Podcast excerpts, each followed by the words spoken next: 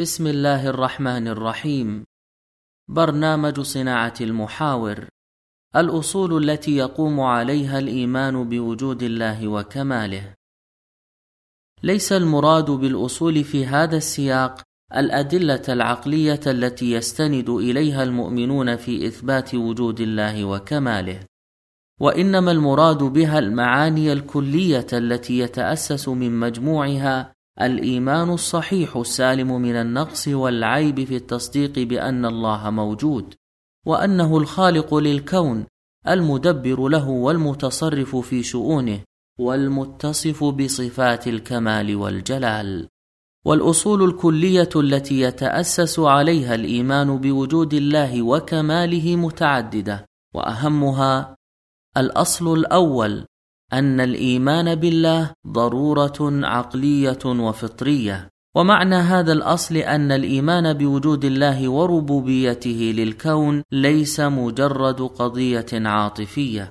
لا تقوم على أسس استدلالية وليس مجرد تجربة نفسية عرفانية. لا تستند إلى برهان موضوعي وإنما هو حقيقة معرفية تصديقية يقينية. تنبع من غريزة باطنية وتقوم على أسس عقلية أصيلة وتنطلق من براهين علمية يقينية وترتبط بمبادئ فطرية جليلة يخضع لها العقل السليم ويقر بصحتها. فالله تعالى قد خلق كل إنسان خلقة تقتضي الإقرار بأن له خالقا وموجدا ومدبرا.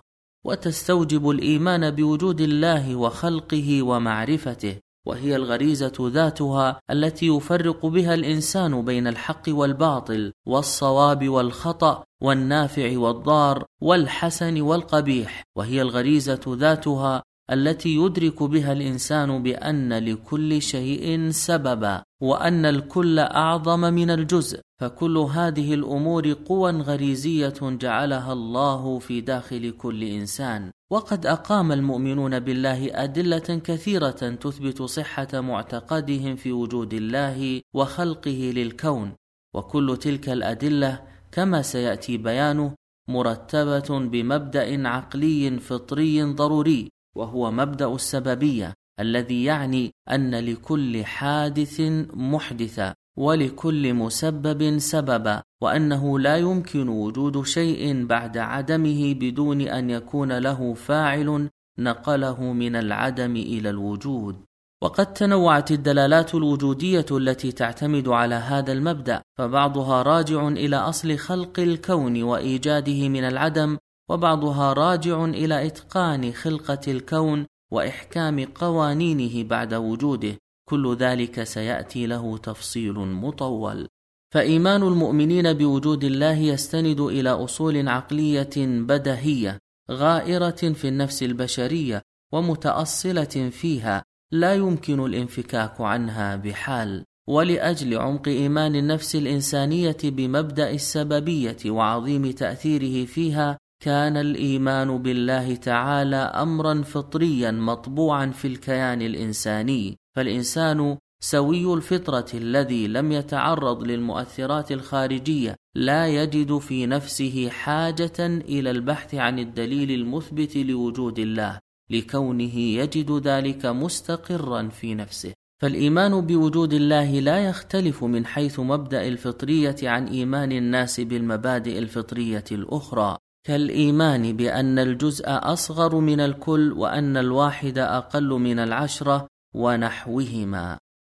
الأصل الثاني أن الإيمان بالله ضرورة معرفية ومعنى هذا الأصل أن المعرفة الإنسانية لا يمكن أن يقوم لها نظام ولا يستقيم لها قانون ولا يصلح لها حال ولا ينضبط لها استدلال إلا مع الإيمان بالله. فلا أحد من العقلاء يعارض في أن الحياة الإنسانية لا تنتظم ولا تستقيم إلا بالمعرفة الصحيحة المنضبطه في تصوراتها ومنهج البحث والاستدلال فيها. ومتى ما وقع الخلل في التصورات المعرفية أو في مسالك الاستدلال ستفسد الحياة الإنسانية لا محالة ويعتريها الشك والاضطراب وستفسد جميع التعاملات الحياتية مع ذلك. وإذا ثبتت أهمية انضباط المعرفة الإنسانية وضرورة اتساق مسالك الاستدلال فيها فإن ذلك لا يتحقق إلا بوجود الضرورات العقلية. وسلامتها من الخدش والاضطراب لكون العلوم التي يحصلها الإنسان في حياته بطريق الخبرة والتجربة والتأمل لا بد لها من أصول تستند إليها وهي المبادئ الضرورية فإن فسدت تلك المبادئ أو اضطربت سيدخل الخلل في المعارف النظرية ويدخلها الفساد. فمن المعلوم أن المعارف البشرية لا يمكن أن تكون كلها ضرورية بحيث تكون حاصلة في النفس من غير اكتساب ولا نظر. فهذا باطل مخالف لواقع الناس. ولا يمكن أيضا أن تكون كلها نظرية بحيث يكون إثبات كل المعارف البشرية عن طريق النظر والاكتساب فيكون إثباتها عن طريق غيرها لأن هذا يؤدي إلى أحد أمرين ممتنعين وهما إما التسلسل أو الدور والمراد بالتسلسل هو ترتب أمور على أمور إلى غير نهاية والمراد بالدور هو توقف الشيء على ما يتوقف عليه ذلك الشيء وبيان ذلك أن المعارف النظرية لا بد لها من مستند تستند عليه في إثبات صدقها إذ هو هذا معنى كونها نظرية وهذا المستند لا يخلو إما أن يكون نفس القضية النظرية التي يراد إثباتها وإما أن تكون قضية أخرى. فإن كانت هي نفسها فهو باطل لأنه يؤدي إلى الدور الممتنع وهو إثبات الشيء بنفسه. فلا بد أن يكون مستند صدق القضية النظرية قضية أخرى. وإذا المستند قضية أخرى وقد فرضنا أنها نظرية فهي تحتاج إلى مستند آخر وهكذا إلى غير نهاية. وهذا هو التسلسل الممتنع ونهاية هذا عدم العلم اليقيني. فتحصل أن المعارف البشرية لا يمكن أن تكون كلها ضرورية ولا يمكن أن تكون كلها نظرية. فلا بد إذن من التسليم بأن بعضها ضروري وبعضها نظري. وفي بيان ضرورة انقسام المعارف إلى هذين القسمين يقول ابن تيمية البرهان الذي ينال بالنظر في العلم لا بد أن ينتهي إلى مقدمات ضرورية فطرية فإن كل علم ليس بضروري لا بد أن ينتهي إلى علم ضروري. إذ المقدمات النظرية لو أثبتت بمقدمات نظرية دائما لزم الدور القبلي أو التسلسل في المؤثرات في محل له ابتداء وكلاهما باطل بالضرورة واتفاق العقلاء.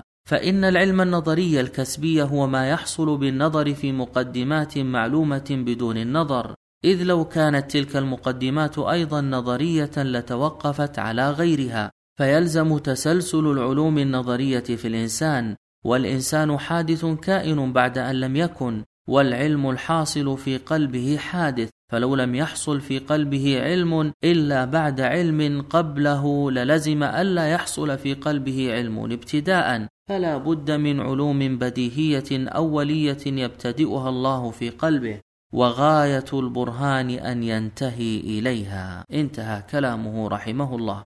وإذا ثبت أن المعرفة الإنسانية لا بد فيها من الاستناد إلى الضرورات العقلية التي ينتهي إليها الاستدلال فإن ثبوت تلك الضرورات في الواقع لا يمكن تصوره إلا مع وجود المطلق لكون الضروريات لا تكون إلا مطلقة. المطلق لا يثبت إلا بالمطلق فالنسبي لا يمكن أن يكون مستندا لثبوت المطلق لأن فاقد الشيء لا يعطيه لغيره. ولا يوجد مطلق في الوجود إلا الله تعالى والمنكر لوجود الله لا يمكنه أن يسلم بوجود المعاني المطلقة لأن كل ما يدركه بحسه وعقله الإنساني القاصر لا يكون إلا نسبيا. فثبت أن وجود الله والإيمان بخلقه للكون هو الأساس الأولي الذي تقوم عليه المعرفة الإنسانية والضمانة التي لا استقرار للنظام المعرفي ولا انضباط له إلا بوجودها ولا يمكن للمرء أن يسلم من التناقض المعرفي إلا به.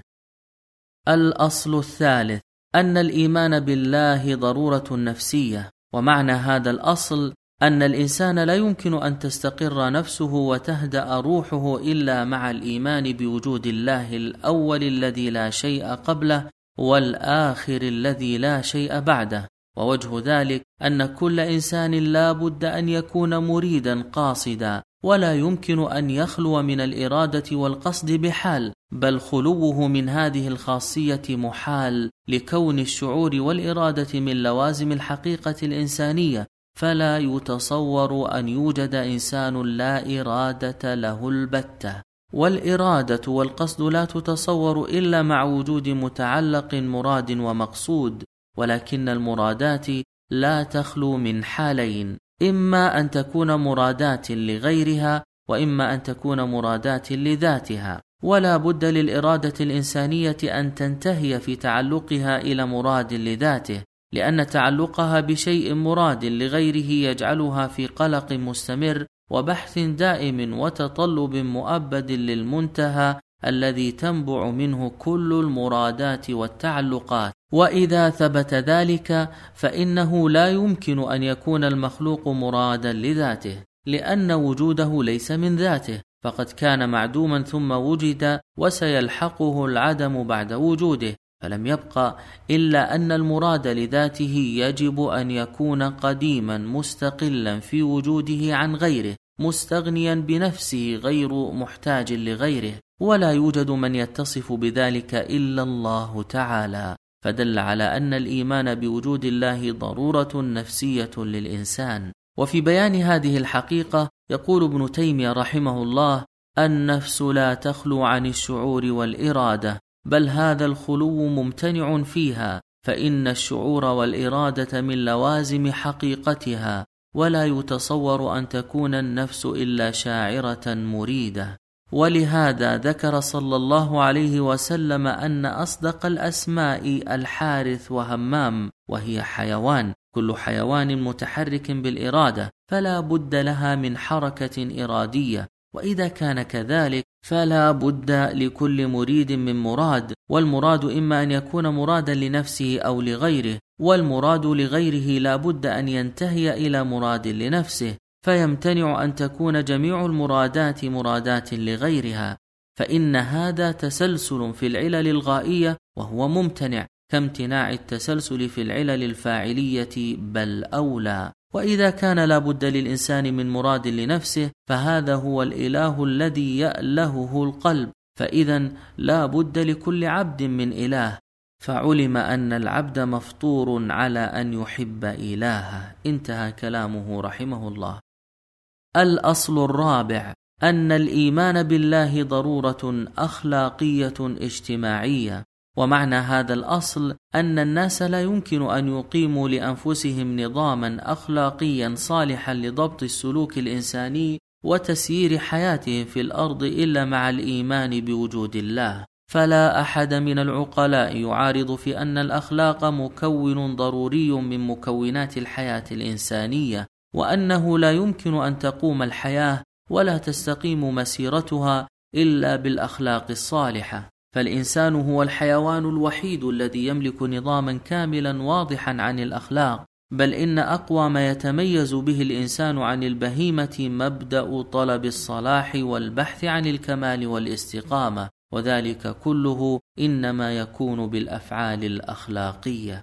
والمنظومة الأخلاقية هي القوة الروحية الكبرى التي استطاعت أن تعلو بالإنسان عن مرتبة البهيمية إلى مستوى أعلى وأرقى في التعامل والتصرف في الحياة. فكل تصرفات الإنسانية الحياتية مبنية على الأخلاق فالبيع والشراء والصدق والزواج والصداقة والاشتراك في الأعمال وتداول الأخبار وتناقلها والأخذ والإعطاء وغيرها مرتبط بطبيعة الأخلاق التي تهيمن على حياة الإنسانية. فلا حياة للإنسان بلا أخلاق ومتى ما اختفت الأخلاق من حياة الإنسان أو اضطرب نظامها فإن ذلك مؤذن بفساد الحياة الإنسانية كلها. وإذا ثبت أن النظام الأخلاقي أمر ضروري في حياة الإنسان ومكون جوهري من مكوناته فإن هذا النظام لا يمكن أن يكون إلا مع الإيمان بوجود الله. وقد خصصنا لبيان ذلك مبحثا خاصا في هذا البحث سيأتي بيانه.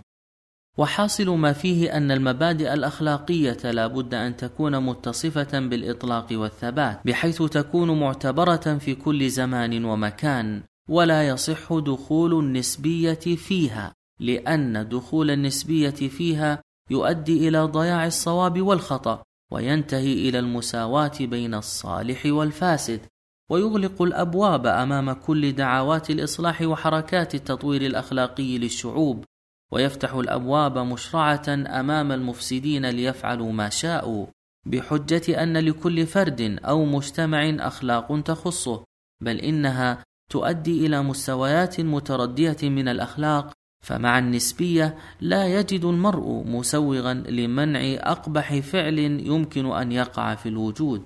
وإذا ثبت أن الأخلاق لا بد أن تقوم على مبادئ مطلقة وقوانين ثابتة وأن قيامها على النسبية يؤدي بها إلى الفساد فإن الوصول إلى المبادئ المطلقة لا يمكن أن يكون إلا مع الإيمان بالله تعالى. ولا يمكن للعقل الإنساني المنكر لوجود الله أن يصل إليها البتة لأن البلوغ إلى الإطلاق والثبات الشامل لكل زمان ومكان يشترط فيه شرطان. الأول تمام العلم بكل شيء والثاني تمام التجرد من كل الأهواء والأغراض والتحزبات. والعقل الإنساني لا يمكن أن يتصف بذلك لكون الإنسان قاصر في علمه وتجرده. فلا بد أن يعتمد على غيره في البلوغ إلى مرحلة الإطلاق. فإن أنكر الملحد وجود الله فقد أغلق كل الطرق الموصلة إليه. فلا يمكنه في الحالة هذه أن يؤمن بالمبادئ المطلقة. وأما المؤمن بوجود الله وخلقه للكون فإن الأمر في حاله بين. فهو يؤمن بأن الله مطلق في علمه وكامل في عدله وبالتالي فإنه سبحانه هو أساس الإطلاق في الكون ومصدر العدل فيه. الأصل الخامس أن الله تعالى متصف بالكمال المطلق، ومعنى هذا الأصل أن المؤمن كما أنه يؤمن بأن الله موجود وأنه الخالق للكون فإنه يؤمن مع ذلك بأن الله متصف بالكمال المطلق الذي لا نقص فيه بوجه من الوجوه. فالمؤمن يعلم أن الكمال ثابت لله بل الثابت له أقصى ما يمكن من الكمال. فحياة الله كاملة من كل وجه وكمالها يستلزم نفي الموت عنه والنوم والسنة وعلم الله كامل من كل وجه. وكماله يستلزم نفي الجهل عنه وقدرة الله كاملة من كل وجه وكمالها يستلزم نفي العجز والضعف عنه وهكذا الحال في كل صفات الكمال الإلهي. ومن مجموع هذه الكمالات يتحقق الكمال المطلق لله تعالى فالكمال المطلق عبارة عن اجتماع صفات الكمال كلها في ذات واحدة وانتفاء صفات النقص عنها فهو إذن نتيجة اجتماع أنواع الكمالات وانتفاء جنس النقص. وهناك تلازم ضروري بين الإيمان بوجود الله وبين الإيمان بثبوت الكمال المطلق له. فكل من آمن بوجود الله فإنه يلزمه أن يؤمن بالكمال المطلق له. وشعور المؤمن بثبوت الكمال المطلق لله لا يختلف عن شعوره بوجود الله وربوبيته للكون. فهما متلازمان في عقله وفطرته. يقول ابن تيمية رحمه الله هذا المعنى أي ثبوت الكمال لله مستقر في فطر الناس بل هم مفطورون عليه فإنهم كما أنهم مفطورون على الإقرار بالخالق فإنهم مفطورون على أنه أجل وأكبر وأعلى وأعلم وأعظم وأكمل من كل شيء. انتهى كلامه رحمه الله. وكل من آمن بالله وبربوبيته للكون ثم لم يؤمن بثبوت الكمال له فإنه سيكون متناقضا لا محالة لكونه فصل بين متلازمات ضرورية. وأما الأصول التي تدل على ثبوت الكمال المطلق لله فهي متعددة الجوانب والاتجاهات تتضافر فيما بينها في الدلالة والبيان ومنها ان كمال الله تعالى من ذاته لا من أحد سواه فإنه سبحانه مستغن عن كل شيء وكل شيء مفتقر إليه فما له من الكمال لا يمكن إذن أن يكون من غيره وإنما هو من ذاته فقط وما كان من ذاته فهو ملازم له فذاته قديمة الوجود فكماله لا بد أن يكون قديم الوجود لا ينفك عن ذاته.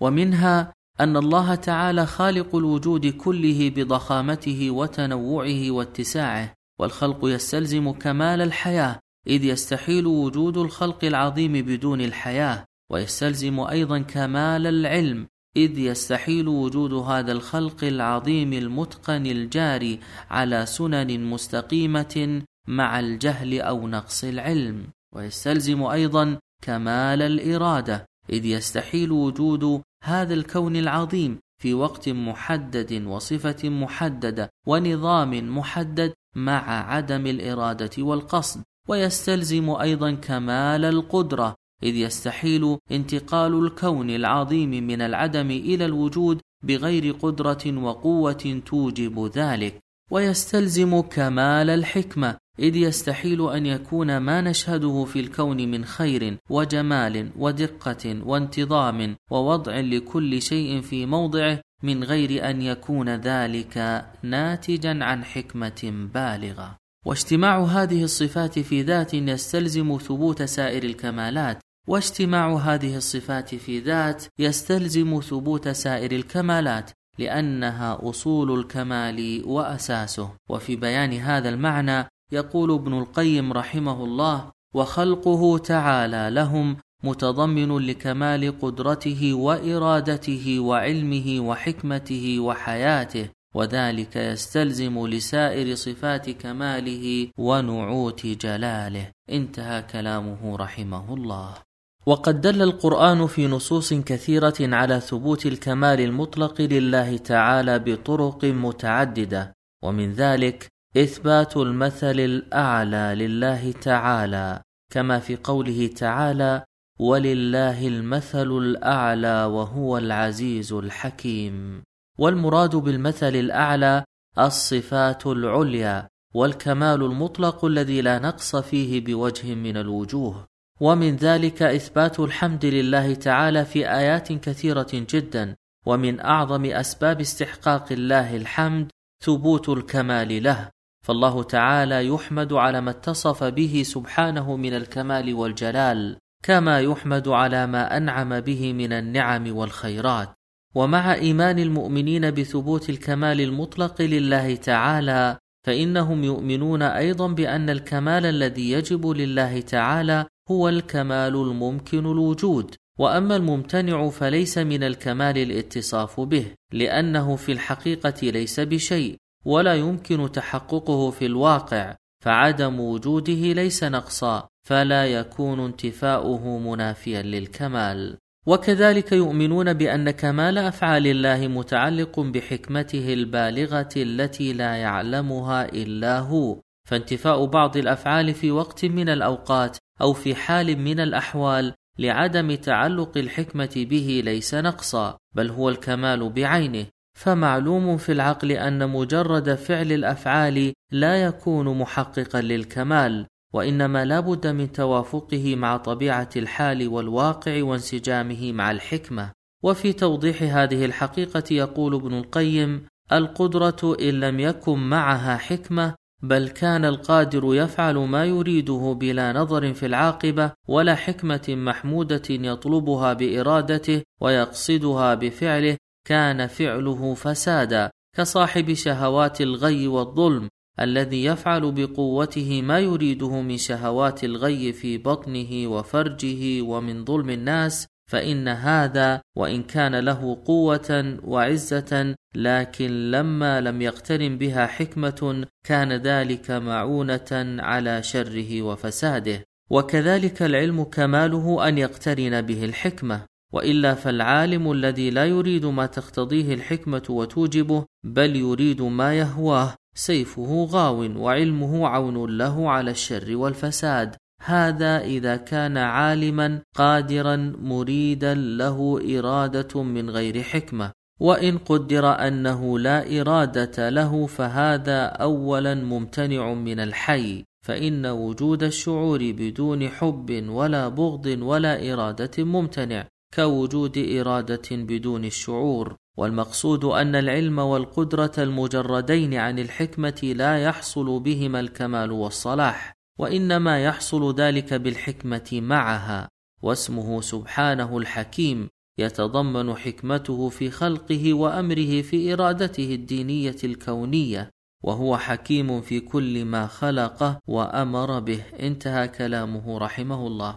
ومقتضى هذا التقرير أن المؤمن لا ينظر إلى الكمال الإلهي إلا بمنظار التضافر بين صفات الكمال كلها بخلاف غيره من الناقدين للأديان فإنهم لم يدركوا هذه الحقيقة فأخذوا ينظرون إلى الكمال الإلهي بنظرة التفرقة والانفصال بين صفات الكمال فوقعوا في مشكلات معرفية كبيرة سيأتي بيان أهمها في أثناء المبحث الثاني.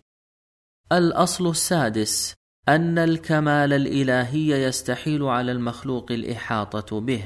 ومعنى هذا الأصل أن المؤمنين مع إيمانهم بثبوت الكمال المطلق لله فإنه في الوقت نفسه يؤمنون بأنه يتعذر عليهم الإحاطة بما ثبت لخالقهم من كمال وجلال. وإيمانهم بهذه الحقيقة ليس قضية عاطفية أو تسليمية مجردة. وإنما هو قائم على أصول وجودية وعقلية يقينية توجب عليهم الإقرار بالعجز عن العلم بكمال الله وقدرته ومن تلك الأصول الأصل الأول أن الناس لم يدركوا ذات الله تعالى ولم يعرفوا حقيقتها كيف يمكنهم أن يعرفوا ما يتعلق بها من الكمال والجلال؟ فمن المعلوم في العقل أن العلم بالصفات تابع للعلم بالذات فإذا كنا لا نعلم حقيقة ذات الله فإننا بالضرورة لا نستطيع أن نعلم حقيقة صفات الله وكنهها. الأصل الثاني أن الناس لم يستطيعوا إدراك تفاصيل الكون وعجزوا عن الإحاطة بمكوناته المتسعة. وقد تواترت مقالات العلماء التجريبيين وغيرهم في الإقرار بأن الكون ما زال مليئا بالأسرار والألغاز وأن الإنسان مع تطوره الكبير لم يدرك إلا قدرا ضئيلا جدا منه. فإذا عجز الناس عن الإحاطة بالكون الذي هو فعل من أفعال الله فكيف يمكنهم أن يحيطوا علما بالخالق وبكماله وجلاله؟ فعجزهم عن البلوغ إلى ذلك أشد وأبعد وأظهر في بدائه العقول. الأصل الثالث أن الشخص لا يستطيع أن يحيط بكل العلوم الإنسانية ولا يقدر على إدراكها وإنما يعتمد في كثير من تفاصيل حياته على التسليم لأقوال الخبراء والعلماء ويأخذ بذلك وهو مطمئن النفس ساكن القلب. ويعد العقلاء سلوكه هذا متوافقا مع العقل ومتسقا مع الفطرة والواقع الإنساني. ولو أن شخصا قصد إلى الخروج عن هذا النهج وقرر بألا يأخذ بشيء في حياته إلا إذا علم بنفسه تفاصيل كل ما يتعلق به لكان خارجا عن نهج العقلاء داخلا في مسالك الجنون والسفسطة. فإذا كان هذا هو حال المخلوق مع علم المخلوقين أمثاله فكيف يمكن أن يكون حاله مع علم الله وكماله وحكمته؟ فإنه لا محالة سيكون أكثر عجزا عن إدراك تفاصيله وأبعد عن الإحاطة بحكمته وسيكون تطلبه لذلك أكثر جنونا وأعمق في أودية السفسطة السحيقة.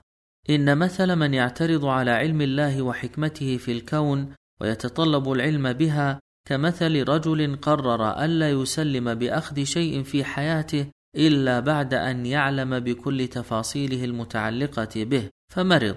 فلما ذهب به أبناؤه إلى الطبيب قال له لن آخذ بأي وصفة طبية تذكرها لي حتى أعلم بكل التفاصيل التي انطلقت منها في وصفك لها. فذكر له الطبيب أن طلبه هذا غير مقبول في العقل ومناف لطبيعة العلم الإنساني الخاضع للتخصصات فرفض الانصياع لقوله وخرج من عنده فلما قرب أبناؤه له السيارة رفض أن يركبها حتى يعلم بكل التفاصيل التي شكلت على وفقها. فذكر له أبناؤه أن هذا غير معقول لكونه يتطلب وقتا وجهدا لا يمكن توفره في ساعتهم فرفض قبول تبريرهم وذهب إلى بيته ماشيا. فلما أراد الدخول توقف وقال لا يمكن أن أدخل البيت حتى أعلم بكل التفاصيل التي بني على وفقها.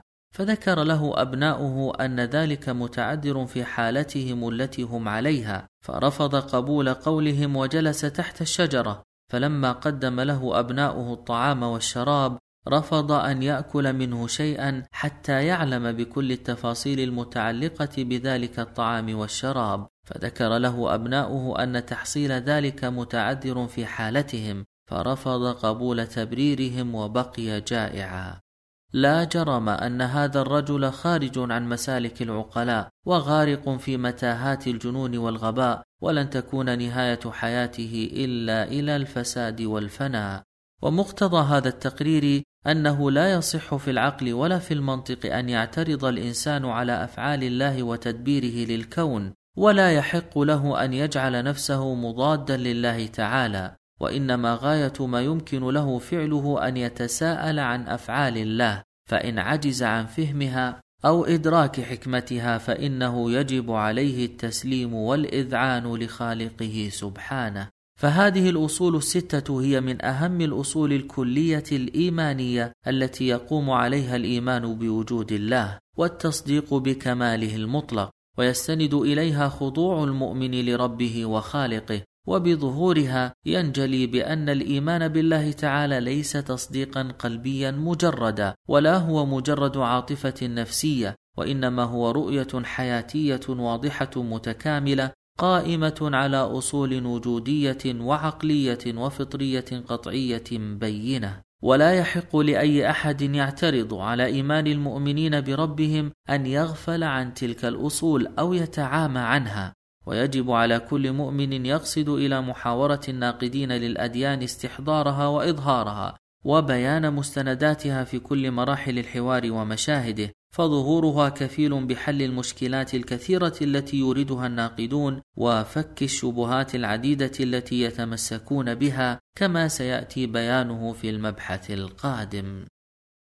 إمكان الاستدلال العقلي على وجود الله ونقض الأقوال المعارضة لذلك انكشف لنا من استعراض الأصول السابقة التي يقوم عليها الإيمان بالله وكماله أن إيمان المؤمنين بوجود الله واعتقادهم الجازم بخلقه للكون وثبوت الكمال له ليس قضية جزئية مفردة وليس حالة تسليمية محضة وليس هو مجرد تجربة نفسية عاطفية خاصة بالفرد ولا هو قائم على مجرد الاعتماد على عجز المخالف عن الإبطال وليس فيه توسلا بالمجهول فإن المؤمنين لا يقولون إن العلم عجز عن تفسير الكون فنحن نفترض وجود الله لتغطية ذلك العجز وإنما يقولون إن الإيمان بالله وكماله قضية حياتية مركبة من مكونات كثيرة متضافرة فيما بينها. يقوم منهج الاستدلال والإثبات فيها على أسس عقلية وفطرية ضرورية ويستند إلى مبادئ وجودية واجتماعية متنوعة. فالمؤمنون ينطلقون من أن كل ما يتعلق بوجود الله وكماله لا يمكن إثباته عن طريق الإدراك الحسي المباشر لأن الله تعالى لم يره أحد في الدنيا وإنما الاعتماد الكلي في إثبات وجوده سبحانه وإثبات أصول الكمالات له على العقل السليم والفطرة المستقيمة. ثم ما جاء الخبر الصادق عن طريق الأنبياء في توسيع البيان عن كمالاته سبحانه.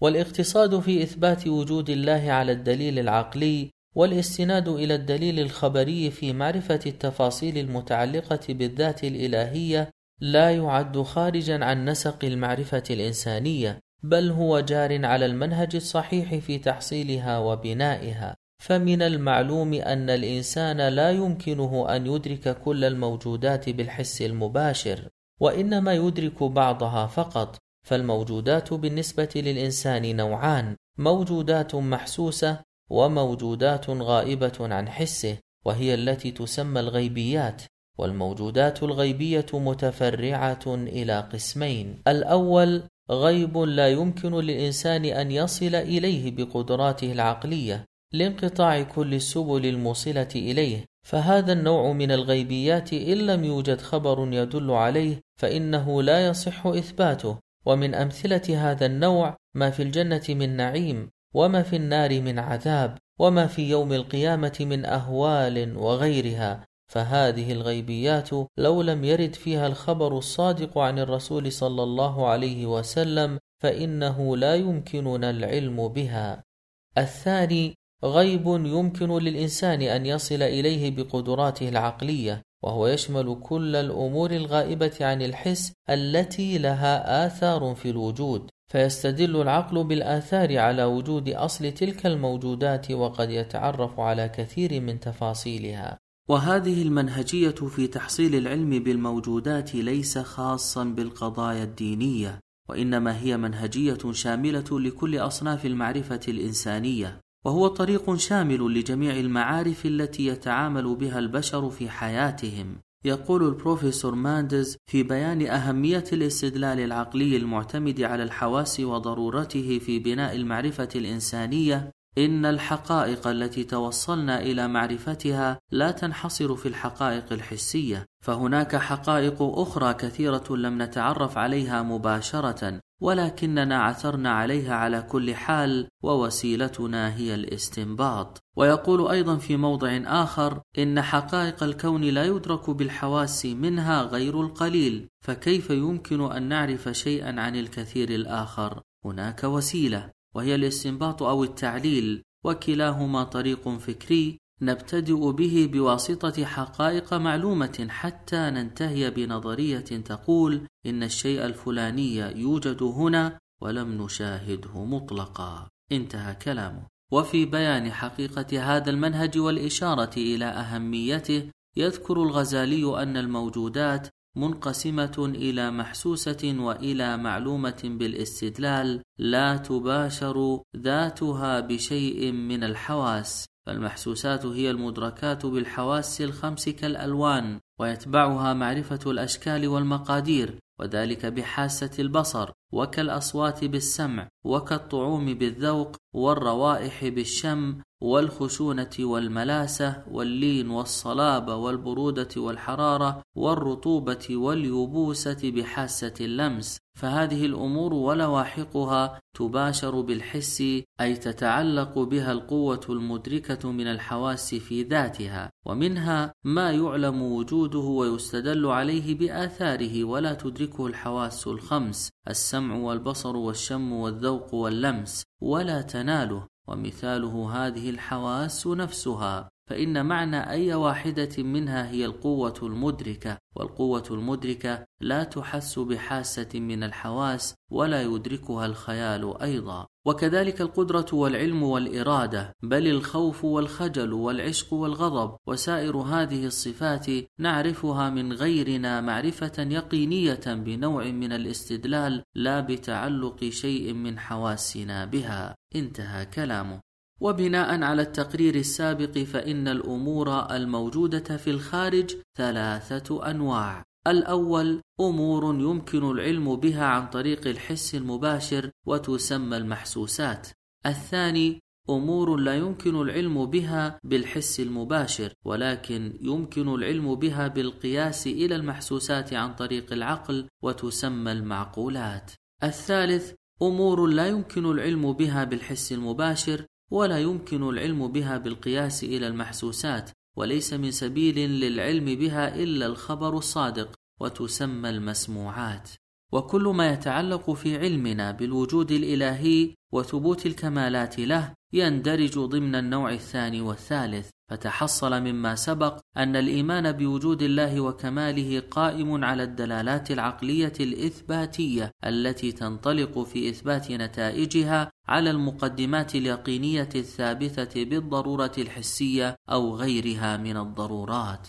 فالمؤمنون بالله تعالى وكماله ينطلقون من العلم الإثباتي وليس من العلم المنفي فهم لا يقولون إننا لم نجد دليلا يعارض وجود الله فآمنا به ولا يقولون إن المخالفين لنا لم يثبتوا بطلان ما نؤمن به فلهذا نتمسك به. ولا يتوسلون إلى إثبات صحة إيمانهم بالاعتماد على المجهول وإنما ينطلقون في بناء إيمانهم على الأدلة الإثباتية التقريرية الوجودية. فسواء وجد المخالف أو لم يوجد وسواء اعترض المخالف أو لم يعترض فكل ذلك لا علاقة له بدلالة الأدلة العقلية. والتقرير السابق يدل على أن أدلة وجود الله ليست أدلة عقلية محضة وإنما هي أدلة مركبة من مواد مختلفة بعضها مواد مأخوذة من الحس وبعضها مواد مأخوذة من العقل فهي أدلة عقلية حسية معا وسيأتي في أثناء البحث الإشارة إلى تلك المواد المختلفة.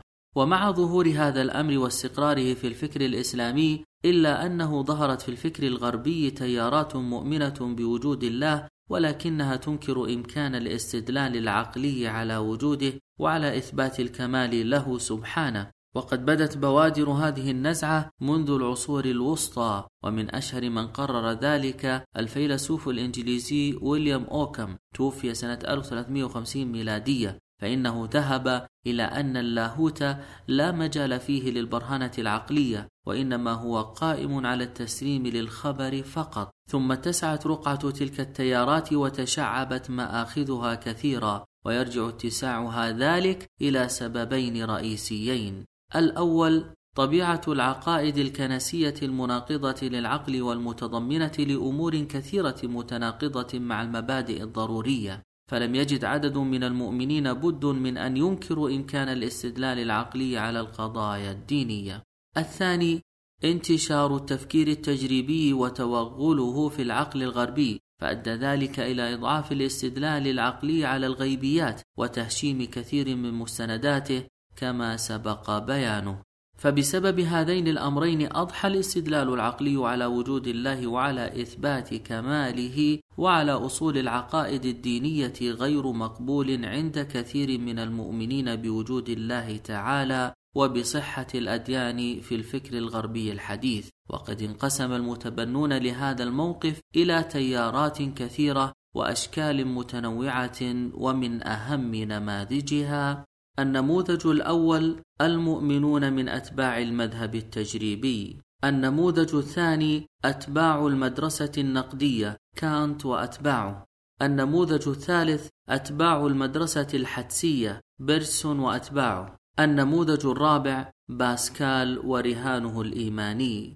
أما النموذج الأول وهو المؤمنون من أتباع المذهب الحسي فإن أصل فكر المذهب الحسي تستلزم إنكار وجود الله وكل الغيبيات الدينية لكونها تحصر طرق المعرفة الإنسانية في الحس فقط، وتلك الأمور ليست مما يدركه الحس، إلا أن بعض الحسيين بقي مؤمنا بوجود الله تعالى ومصدقا بالإيمان بالأديان، ومن أشهر أولئك الفيلسوف الإنجليزي جون لوك، فإنه مع كونه من أقوى من تبنى المذهب التجريبي وكتب فيه وأصل له إلا أنه بقي مؤمنا بوجود الله. ولكنه أبطل كل الأدلة العقلية التي يقوم عليها الإيمان بوجود الله. وجعله قائما على الحدس والوجدان الداخلي فقط. ومن أولئك الحسيين زكي نجيب فإنه حين تبنى مذهب الوضعية المنطقية وهو اتجاه حسي غال جدا أنكر اطرادا مع أصول مذهبه الميتافيزيقا بكل صورها وحكم عليها باللغو والهراء. وهذا يقتضي إنكار وجود الله وكل القضايا الدينية. ولكنه مع ذلك لم يصرح بإنكار وجود الله وإنما قسم الميتافيزيقا إلى قسمين الميتافيزيقا الدينية والميتافيزيقا الفلسفية وحكم على الدينية منهما بالقبول. لكونها في نظره قائمة على الوجدان النفسي وليست قائمة على البرهان العقلي وادعى أن مدار التسليم فيها على تصديق صاحب الرسالة وليس على البرهان العقلي. فزكي نجيب يجعل الإيمان بجميع مكونات الدين عبارة عن شعور وجداني باطني مجرد من الدلائل العقلية والأسس البرهانية وإنما هو تجربة نفسية داخلية فحسب. ويقول ففي الدين الإدراك إيماني وليس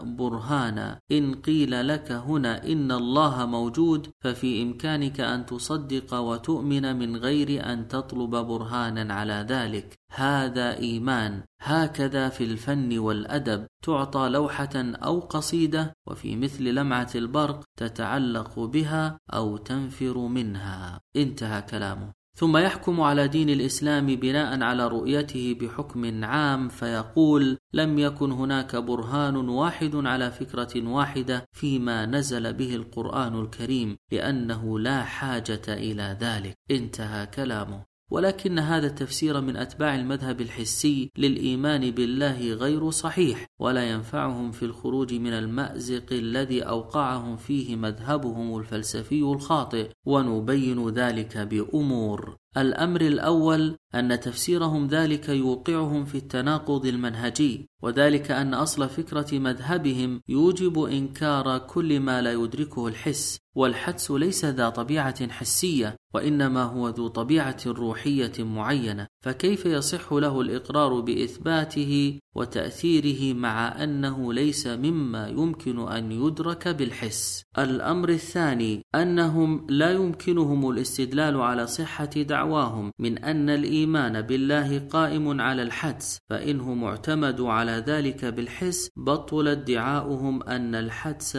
مصدر مستقل في إثبات الإيمان بالله ولزمهم جميع اللوازم المترتبة على أصل فكرة مذهبهم الحسي. وإن ادعوا أن الحدس مصدر مستقل في إثبات الوجود الإلهي ففضلا عما في هذا الادعاء من المناقضة لأصل فكرة مذهبهم فهم في الوقت نفسه لم يقدموا دليلا يدل على صحة دعواهم ولهذا تراهم دائما يعرضون عن تقديم الأدلة على قولهم ويقتصرون على شرحه فقط. الأمر الثالث أن تفسيرهم للإيمان بالله وجعل وجوده قائما على الحدس والوجدان الداخلي فيه إضعاف شديد لجانب الدين وهتك فظيع لبنيانه الظاهر للعيان. فدين الإسلام ممتلئة نصوصه بالأدلة العقلية وفيها دعوة ظاهرة لاستعمال العقل والتنبيه على ضرورة إعماله. وكلام علماء المسلمين مليء بالاستدلالات العقلية البينة البينة على كثير من الأصول الدينية ولكن أتباع المذهب الحسي يتنكرون لذلك الواقع كله ويجعلون الإيمان مجرد شعور نفسي داخلي. وكان الواجب عليهم بدل أن يغيروا من حقيقة الإيمان ويتنكروا لأصوله ومستنداته لأجل أصلهم الفلسفي الخاطئ أن يراجعوا أصولهم ويعيدوا النظر فيها ومحاكمتها إلى لوازمها الباطلة. وأما النموذج الثاني وهو كانت ومدرسته النقدية فإن كانت يعد من أشهر الذين أنكروا إمكان الاستدلال العقلي على الوجود الإلهي فبناء على أصله الفلسفي الذي انتهى فيه إلى أن العقل لا يستطيع أن يعمل إلا في الدوائر التي يوصلها إليه الحس فقط وليس في مقدوره أن يتجاوزها إلى غيرها البتة وأن الحس لا يدرك إلا ظواهر الأشياء فقط وقرر بأن المعرفة الإنسانية لا تتعلق إلا بظواهر الأمور فحسب. واستحدث نتيجة لذلك تفريقه المشهور الذي يميز بين الأشياء في ذواتها والأشياء في ظواهرها. وانتهى من هذا الأصل إلى أن كل موضوعات الميتافيزيقا لا يمكن الاستدلال عليها بالعقل لكونها ليست داخلة في نظام الظواهر الحسية التي يمكن أن يعمل فيها العقل ولا يستطيع الحس نقلها إليه. ولأجل هذا هذه المنهجية انتقد كانت جميع الأدلة العقلية التي يستدل بها المؤمنون على وجود الله وعقد فصلا خاصا لمناقشتها وقام بتزييفها جميعا وشن عليها هجوما عنيفا بحجة أنها تقصد إلى الاستدلال على أمور خارجة عن نظام العقل الإنساني وزعم أن تلك الأدلة ينتقل فيها المؤمنون في استدلالهم من الأمور الحسية إلى الأمور غير الحسية وهذا الانتقال من الأمور الباطلة في أصوله الفلسفية. وبهذه الطريقة حكم كانت على جهود المؤمنين في الاستدلال العقلي على وجود الله على مر التاريخ الإنساني بالفساد والزيف والعبث. وفي بيان نتيجة مذهبه يقول إذا كان على قانون السببية الصحيح بصورة تجريبية أن يقودنا إلى الكائن الأصلي فعندئذ سيكون من المتوجب على هذا الكائن أن ينتمي إلى سلسلة مواضيع الخبرة وسيكون في هذه الحالة كجميع الظاهرات مشروطا بالذات. انتهى كلامه. ثم استحدث دليلا جديدا على وجود الله وهو دليل الأخلاق وادعى أن هذا الدليل هو المسلك الوحيد الذي يمكن من خلاله إثبات الوجود الإلهي وأنه الطريق الوحيد الذي يمكن للمؤمنين الاعتماد عليه في تثبيت إيمانهم ضد هجمات التشكيك والنقد. وقد لخص كانت موقفه في جملة واحدة قال فيها اذا فما أستمسك به هو هذا. إن جميع المحاولات التي تستهدف استعمالا تأمليا محضا للعقل وذلك فيما يتعلق باللاهوت هي محاولات عديمة الجدوى كليا وهي أصلا باطلة فارغة بينما أن مبادئ استعمالها الطبيعي لا تستطيع أبدا أن تقودنا إلى أي لاهوت. وهكذا فإن ما لم نعتمد على القوانين الأخلاقية أو نسترشد بها فإنه لا يمكن أن يكون هناك أي لاهوت للعقل. انتهى كلامه. وقبل أن نبين الخلل المنهجي الذي وقع فيه كانت في دعواه بأن العقل لا يمكنه أن يدل على وجود الله لابد من التنبيه على أن كانت لا ينكر وجود الميتافيزيقا ولا يدعو إلى التخلي عنها بل هو مؤمن بها ومصدق بوجودها ويرى أنها علم ضروري لا يمكن للإنسان الاستغناء عنه وغاية النقد الذي وجهه كانت إلى الميتافيزيقا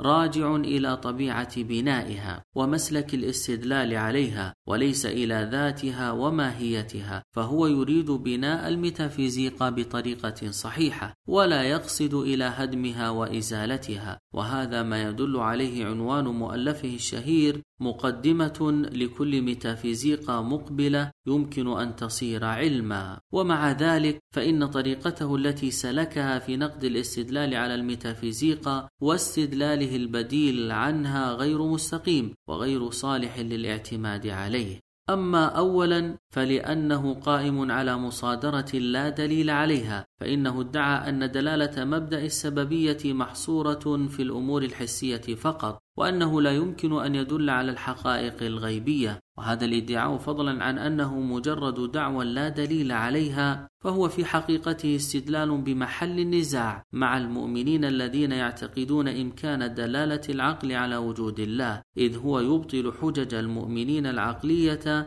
بالدعوى نفسها التي يدعيها ضدهم. وأما ثانيا فلأن كانت لم يستطع أن يبني مذهبه بطريقة متماسكة مستقيمة فإنه حين أراد الجمع بين رأي الحسيين في أن المعرفة الإنسانية كلها ناتجة عن الحس مع اعتقاده بأن العقل الإنساني له أثر عميق في تأسيس المعرفة اضطر إلى التفريق بين الأشياء في ذواتها والأشياء في ظواهرها ولكن هذا التفريق أوقعه في تناقضات عديدة. ومن تلك التناقضات التناقض الأول أنه أثبت الأشياء في ذواتها ثم نفى العلم بها وجعل العلم متعلقا بظواهرها. فكيف تثبت ظواهر الشيء إلا بناء على الشيء ذاته؟ فإذا كان الشيء في ذاته لا يمكن أن يدرك فكيف نثبت ظواهره؟ وفي بيان هذا الوجه يقول يوسف كرم عن كانت يقول إننا لا نعرف سوى الظواهر أي انفعالاتنا بالأشياء.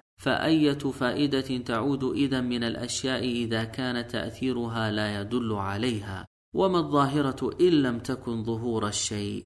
انتهى كلام يوسف كرم.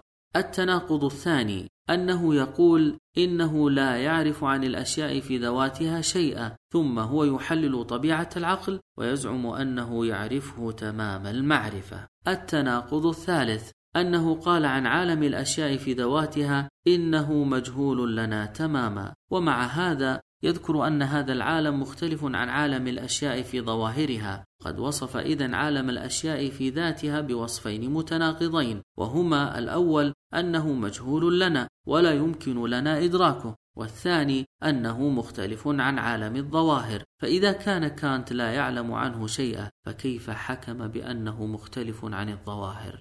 التناقض الرابع أنه جعل عالم الأشياء في ذاتها علة للظواهر مع أنه لا يعلم عنه شيئا. وأما ثالثا فلأن المعاني الأخلاقية التي استدل بها كانت على الميتافيزيقا لا تختلف عن المبادئ العقلية في طبيعتها، فهي ليست ذات طبيعة حسية، فكيف يصح لكانت أن يستدل بالمعاني الأخلاقية على وجود الله ويمتنع عن الاستدلال بالمعاني العقلية وهي لا تختلف عنها في طبيعتها الوجودية.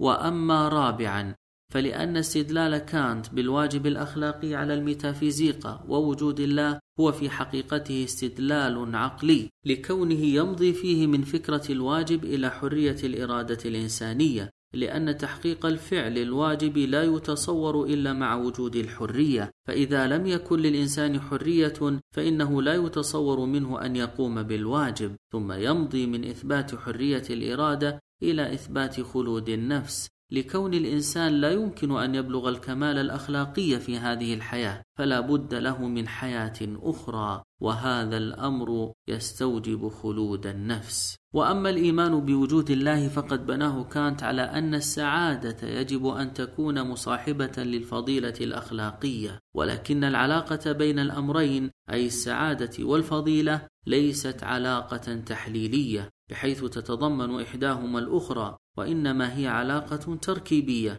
فلا بد لها من علة توجب ذلك الترابط ولا يكون ذلك إلا بافتراض وجود الله. وطريقة الاستدلال هذه راجعة في حقيقتها إلى التأمل العقلي والربط السببي بين الأمور وهكذا يرجع الدليل الأخلاقي عند كانت إلى الدليل العقلي الذي أنكره وينطلق من مبادئه التي زعم أنها لا يمكن أن تدل على وجود الله. وأما النموذج الثالث وهو بيرجسون وحدسه المنهجي. ومن الفلاسفة المعاصرين الذين أنكروا إمكان الاستدلال العقلي على وجود الله الفيلسوف الفرنسي هنري بيرجسون. فقد هالته النهايات الفظيعة التي انتهى إليها المذهب المادي في الفكر الغربي. والنتائج الخطيرة لذلك المذهب على حياة الناس وأخلاقهم. فقام بثورة عارمة ضد المذهب المادي فشن هجوما قويا عليه وقصد إلى تقديم منهج معرفي بديل عن المنهج المعرفي الذي أنتجه المذهب المادي القاتل. ومن أجل البلوغ إلى ذلك قسم بيرسون طرق المعرفة إلى طريقين أساسيين. أما الأول فهو الطريق الذي يدور حول الشيء وينظر إليه من زواياه الخارجية وأما الثاني فهو الطريق الذي ينفذ إلى صميم الشيء ويسبر أغواره ويصل إلى الحقيقة النهائية المطلقة له. وادعى أن الطريق الأول هو الذي يسير عليه العلم وسائر أنواع الفلسفات وهو يعتمد على العقل والتجربة وهما طريقان كثيرا الخطأ والزلل وأن الطريق الثاني هو مسلك أهل التحقيق والتوفيق وهو المسلك الذي تسير فيه الميتافيزيقا ويعتمد على الحواس والبصيرة الكامنة في داخل الإنسان ويحذر بيرسون كثيرا من الخلط بين الطريقين ويخوف من آثاره. وفي بيان بيرجسون لمنهجه يقول إنما هو مطلق غيبي لا يمكن أن ينكشف لنا إلا عن طريق الحدس وأما كل ما عداه فهو وليد التحليل. ونحن نطلق هنا الحدس على تلك المشاركة الوجدانية التي بمقتضاها ننفذ إلى باطن أي موضوع. انتهى كلامه. ونتيجة لهذه الرؤية أنكر بيرجسون جميع الأدلة التي يستدل بها المؤمنون على وجود الله بحجة أنها لا توصل إلى الحقيقة. لكونها قائمة على العقل ودعا في إثبات وجود الله إلى الاعتماد على الحدس والتجربة النفسية الداخلية. وذكر أن التجربة الصوفية الوجدانية هي السبيل الوحيد لحل مشكلة الاستدلال على وجود الله. وقد تعرضت نظرية بيرسون في الحدس النفسي لنقد عنيف من أطياف مختلفة من الفلاسفة وأثاروا حول رؤيته اعتراضات علمية متنوعة. ومن أهم ما يدل على اضطراب رؤيته ودخول الخلل فيها الأمور التالية. الأمر الأول أن بيرجسون لم يقدم الدليل على صحة رؤيته وإنما طغى عليه الاعتماد على التوسع في شرحها وكثرة التمثيل عليها بعبارات منمقة. وقد لاحظ عدد من الدارسين على بيرجسون هذه الملاحظة. وفي بيانها يقول برتراند راسل عن بيرجسون لم يقدم أسبابا لآرائه بل يعول على جاذبيتها الملازمة لها وعلى سحر أسلوب رائع وهو مثل المعلنين يعتمد على البيان المثير المتنوع وعلى الشرح الظاهري لكثير من الوقائع الغامضة وتشكل التشبيهات والاستعارات بوجه خاص جزءا كبيرا للغاية من العملية التي يزكي بها آراءه للقارئ وعدد التشبيهات عن الحياة التي توجد في أعماله يتخطى عددها عند أي شاعر معروف لي انتهى كلام برتراند راسل. الأمر الثاني أن بيرجسون اعتمد في التقليل من أهمية العقل في القضايا الميتافيزيقية على كثرة أخطاء الخائضين فيها. ومن ثم انتهى إلى أنه لا طريق للخروج من هذه المشكلة إلا بالاعتماد على الحدس النفسي ولكن الحدس النفسي أيضا لا يسلم من الأخطاء فإن ما يقوم بالأفراد من المعاني والأفكار لا ضابط له البتة فهو في الحقيقة لم يقدم بديلا مختلفا وسالما مما انتقده على الدليل العقلي. وفي وصف خطأ بيرجسون في هذه القضية يقول ويل ديورانت بعد أن أوضح إجحافه للعقل وغلوه في تقديس الحدس والبصيرة إن بيرجسون بفعله هذا كمن يصحح أوهام الشباب بخرافات الطفولة. انتهى كلام ديورانت. الأمر الثالث إن مع تعويل بيرجسون الكلي على الحدس النفسي والبصيرة الداخلية للإنسان في قضايا الميتافيزيقا إلا أنه لم يقدم مفهوما منضبطا للحدس فقد اختلف مفهوم الحدس عنده في عدد من مؤلفاته فهو في بعضها يجعل الحدس ضربا من المعرفة الباطنية النفسية وفي بعضها يجعله ضربا من التعاطف العقلي وفي بعضها يذكر غير ذلك. وقد لاحظ عدد من الدارسين أن مفهوم الحدس عند بيرسون يتصف بالغموض والاضطراب. وقد حاول بعض الدارسين وهو الدكتور زكريا إبراهيم إثبات أن الحدس عند بيرجسون لا يخرج عن الاستدلال العقلي وأنه عنده ليس مجرد تجربة روحية وإنما هو عيان عقلي يتابع الذهن فيه تموجات الواقع. ويقول بعد توسع في توضيح معنى الحدس عند بيرجسون وجمع لأقواله المختلفة وبهذا قد يكون في استطاعتنا أن نقول إن المنهج الحدسي هو عود إلى تلك التجربة الحية المباشرة التي يتم فيها التجاوب والتوافق بين العقل والواقع. انتهى كلام الدكتور زكريا إبراهيم. وإذا صح هذا التفسير فإن بيرجسون ليس من المخالفين في إمكان الاستدلال العقلي على وجود الله، وإنما ينكر بعض صور الاستدلال العقلي الخاطئة في نظره. الأمر الرابع أن طريقة بيرجسون في الاستدلال على الموضوعات الميتافيزيقية بالحدس النفسي تبطل هذا العلم وتحوله إلى شعور نفسي لا يمكن نقله إلى الآخرين ولا إقامة الأدلة عليه فتتحول الموضوعات الميتافيزيقية إلى مجرد إحساس أبكم لا يقبل النقل ولا المحاججة عنه فهو لا يتخلف عن الإحساس بالألم الداخلي وستكون تلك الموضوعات نسبية محضة وكيانات خاصة منعزلة كل تجربة عن الأخرى.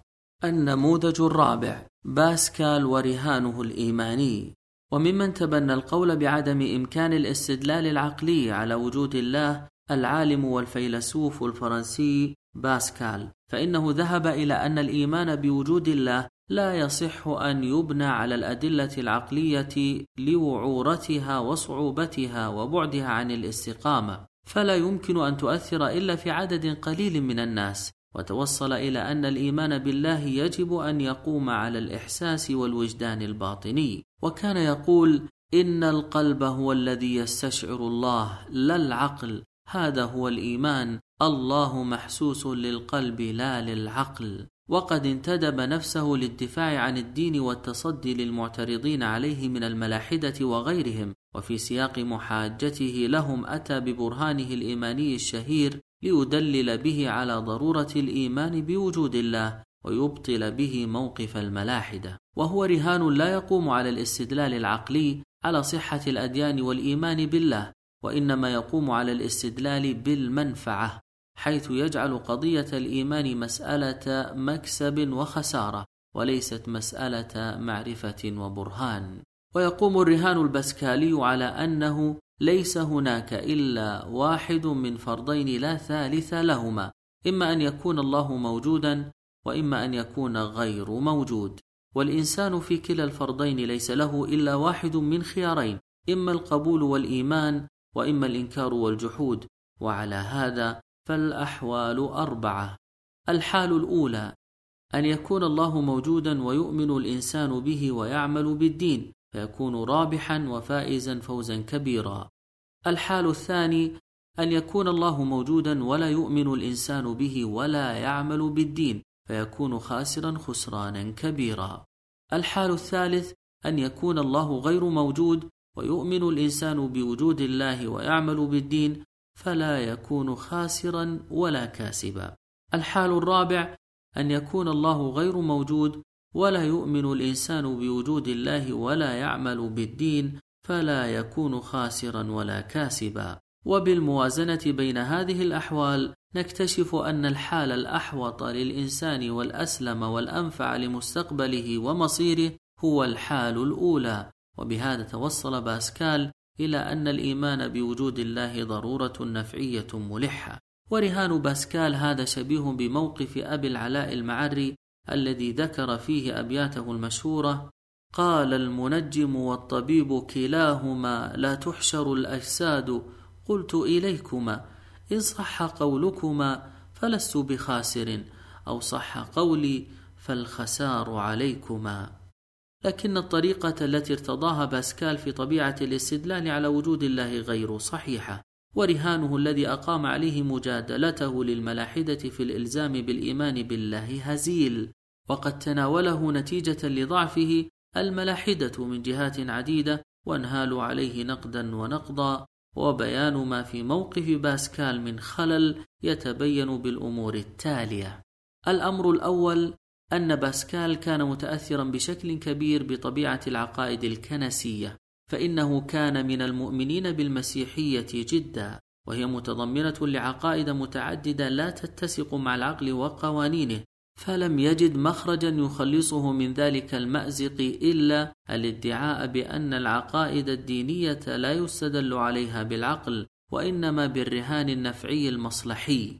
وقد لاحظ بعض الدارسين الفكر باسكال هذا التأثير وأكد أن سبب اعتقاده بأن الإيمان ليس قضية عقلية استدلالية برهانية وانتقاله إلى كونها قضية نفعية مبنية على الكسب والخسارة كان نتيجة لتأثير العقائد المسيحية عليه.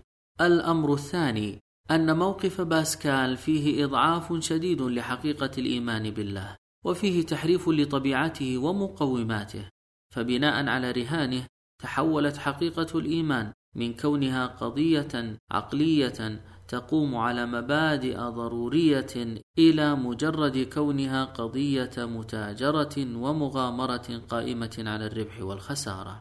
وهذا انحراف شديد عن النهج المستقيم فالإيمان بالله ليس موقفا يقامر عليه الإنسان وفق معادلة الاحتمال بين الكسب والخسارة. وإنما هو حق وصدق وحقيقة وجودية قائمة على أصول عقلية ضرورية وبراهين يقينية تدفع الإنسان نحو اليقين والاقتناع بالتسليم لله والاندفاع نحو الخضوع له وطلب مرضاته بارتياح وسعادة وحب. إن تحول الإيمان بالله إلى مسألة مقامرة الربحيه النفعيه يكدر علاقة الإنسان بالله وينحرف بها نحو المعاني المادية القبيحة فإيمان المؤمن بالله تعالى وعبادته له قائمة على التصديق والتسليم والحب والإجلال والتعظيم والمراقبة للخالق سبحانه وليس على مجرد الخسارة والكسب ولكن رهان باسكال يحول العلاقة مع الله إلى مسألة تجارية تتبع الربح والخسارة فقط. ولو أن باسكال جعل رهانه دليلا إلحاقيا للأدلة العقلية والفطرية على وجود الله وتابعا لها ومعضدا لمدلولها لكان الأمر مقبولا ولكنه جعل رهانه المبني على المقامرة والربح والخسارة الدليل الأساسي للإيمان بوجود الله وزيف كل الأدلة الأخرى فتحولت طبيعة الإيمان بالله من قضية تصديقية برهانية يقينية إلى قضية مقامرة مبنية على الربح والخسارة. وقد أحسن الأستاذ أبو عبد الرحمن بن عقيل الظاهري حين جعل دليل باسكال من الأدلة التبعية التي يمكن الاستفادة منها وسماه برهان الحيطة والبحث وبين أنه ليس من الأدلة الأصولية المؤسسة وإنما هو من المعضدات التابعة. الأمر الثالث أن رهان باسكال قائم على مقدمات مضمرة لا يقوم الاستدلال برهانه إلا عليها ومع ذلك فهو لم يستدل عليها ولم يثبت صدقها وبالتالي فلن يكون ملزما للمنكرين لوجود الله. فرهانه مبني على أن الله أنزل دينا إلى الناس وأنه يعاقب المسيء ويثيب المحسن وهو قد جعل هذه المقدمة مندرجة ضمن رهانه ومع ذلك لم يثبت صدقها ولا يمكنه أن يثبت ذلك إلا بإثبات وجود الله تعالى. فرهان باسكال واقع في الدور الاستدلالي وهذا عيب قادح في أي دليل.